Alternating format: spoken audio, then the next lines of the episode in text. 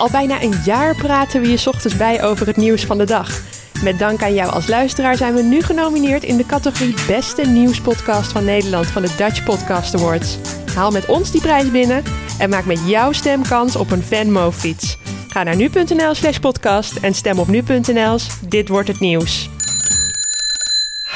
Goedemorgen, het is vandaag maandag 13 augustus en ik kan je zeggen, het was weer even wennen aan de wekker die vanochtend afging. Maar we zijn weer terug in de ochtend met een nieuwe Nu.nl Dit Wordt Het Nieuws podcast.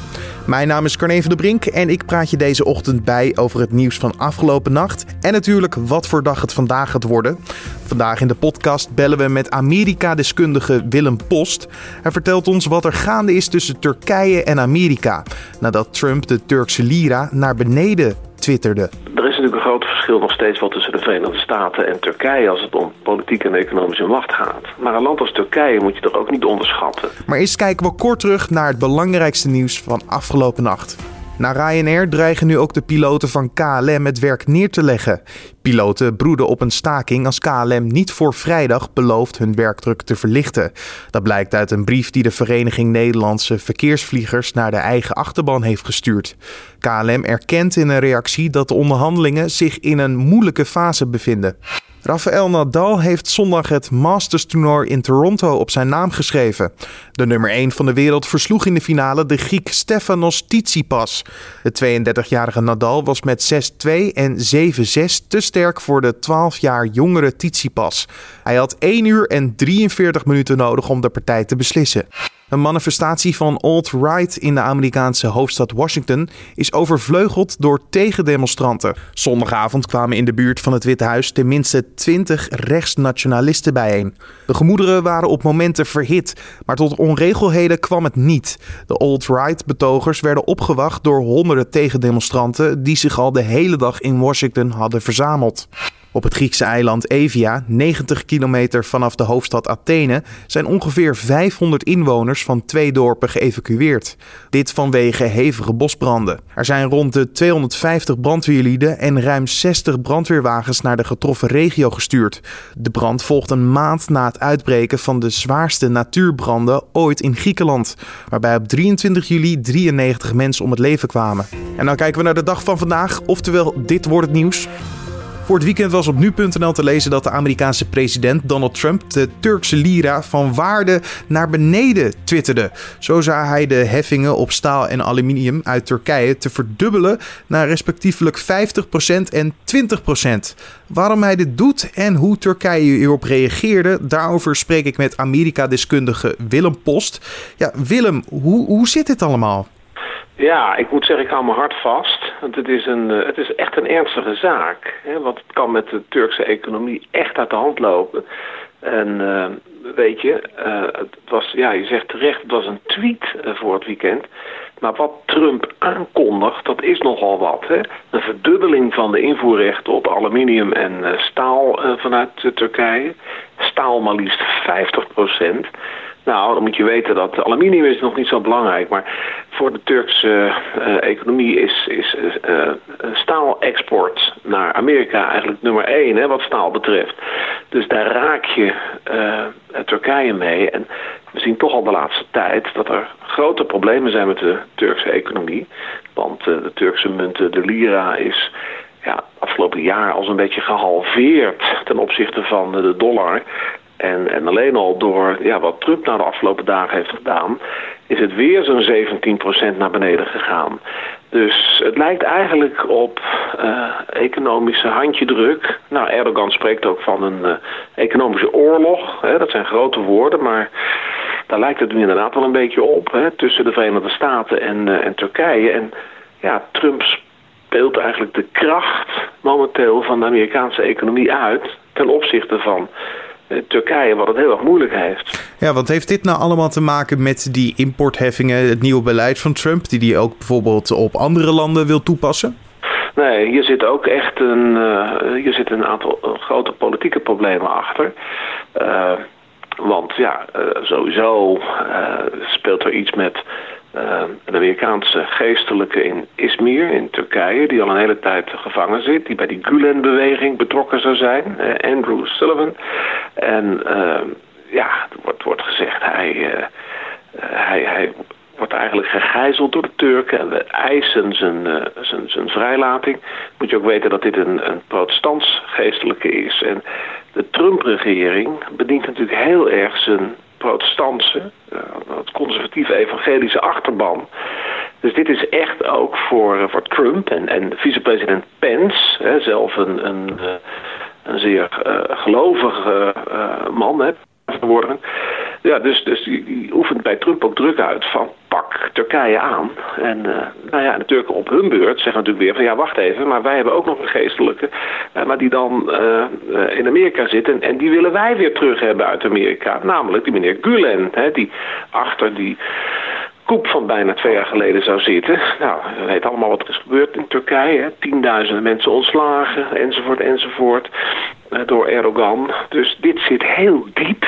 Ja in, in, in, ja, in, in, dat hele conflict nu tussen de Verenigde Staten en Turkije. En dat los je dus ook niet zo, zo makkelijk op. En er zijn er nog een aantal andere problemen hoor. En daarbij ook nog eens een keer in die tweet van die 50 en 20 procent die Donald Trump uh, twitterde, zei ook nog eens een keer: Our relations with Turkey are not good at this time.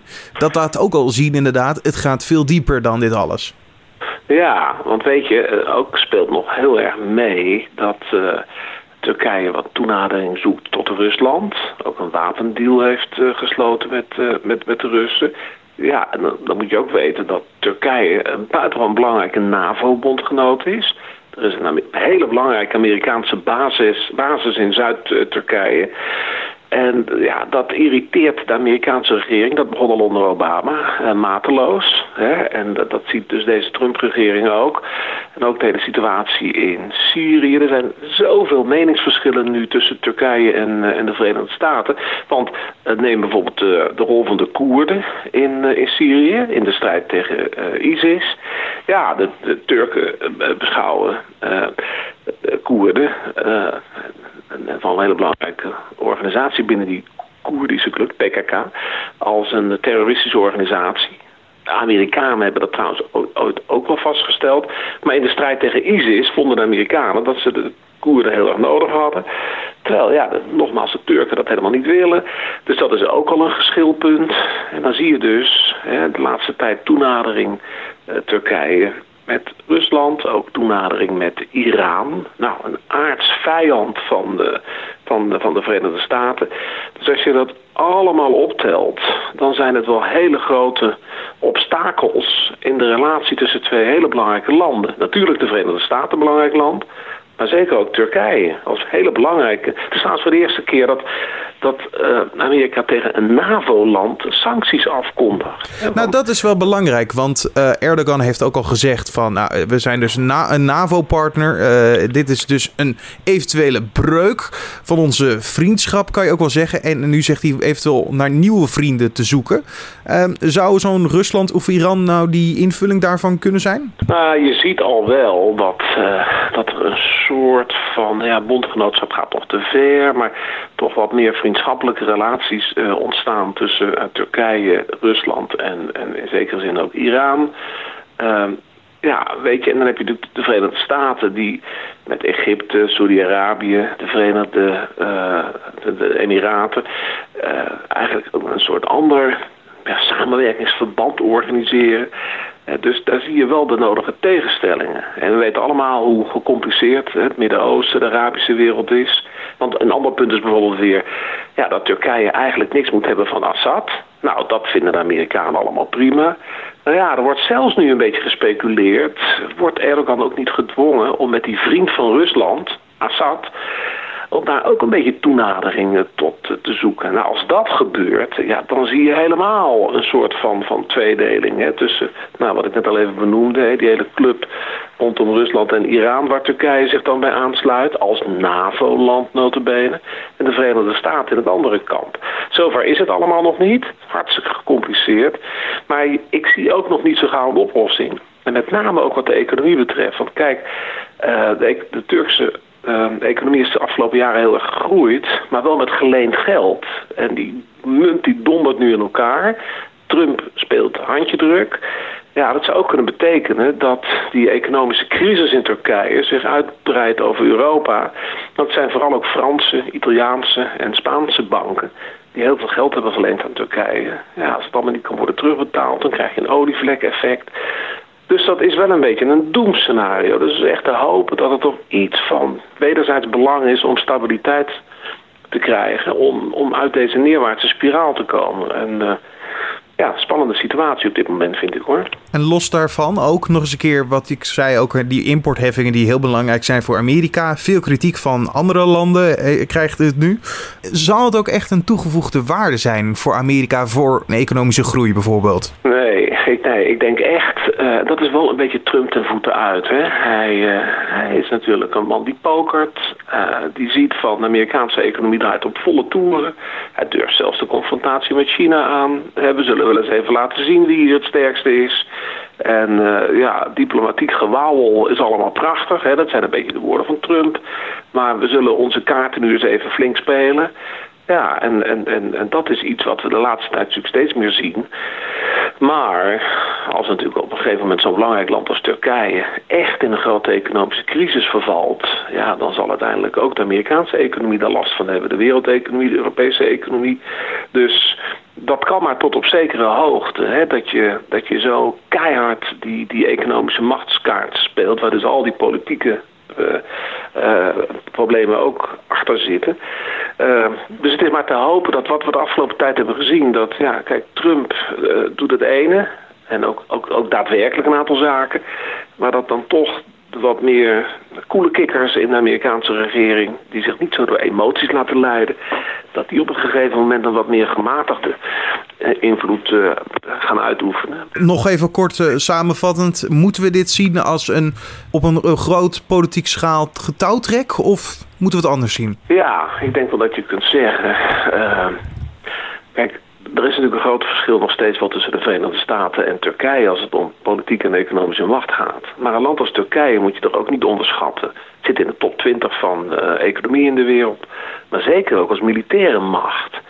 Ja, en in die hele machtspolitiek hè, die de wereld in zijn greep heeft nu, waar Trump natuurlijk ook heel erg als een soort van nieuwe niks aan meedoet, ja, dan moet je ook wel kijken van welke partners heb ik nodig. En wil je werkelijk Turkije zo vervreemden ja, dat dan eigenlijk het Midden-Oosten, de Arabische wereld, echt aan de poorten van, uh, van Europa komt te staan. Want weet je, Turkije is natuurlijk een islamitisch land, maar altijd wel een soort van buffer geweest. En die bufferfunctie, ja, je zou toch hopen in ieder geval uh, dat, dat die bufferfunctie intact blijft, als, als NAVO-land ook.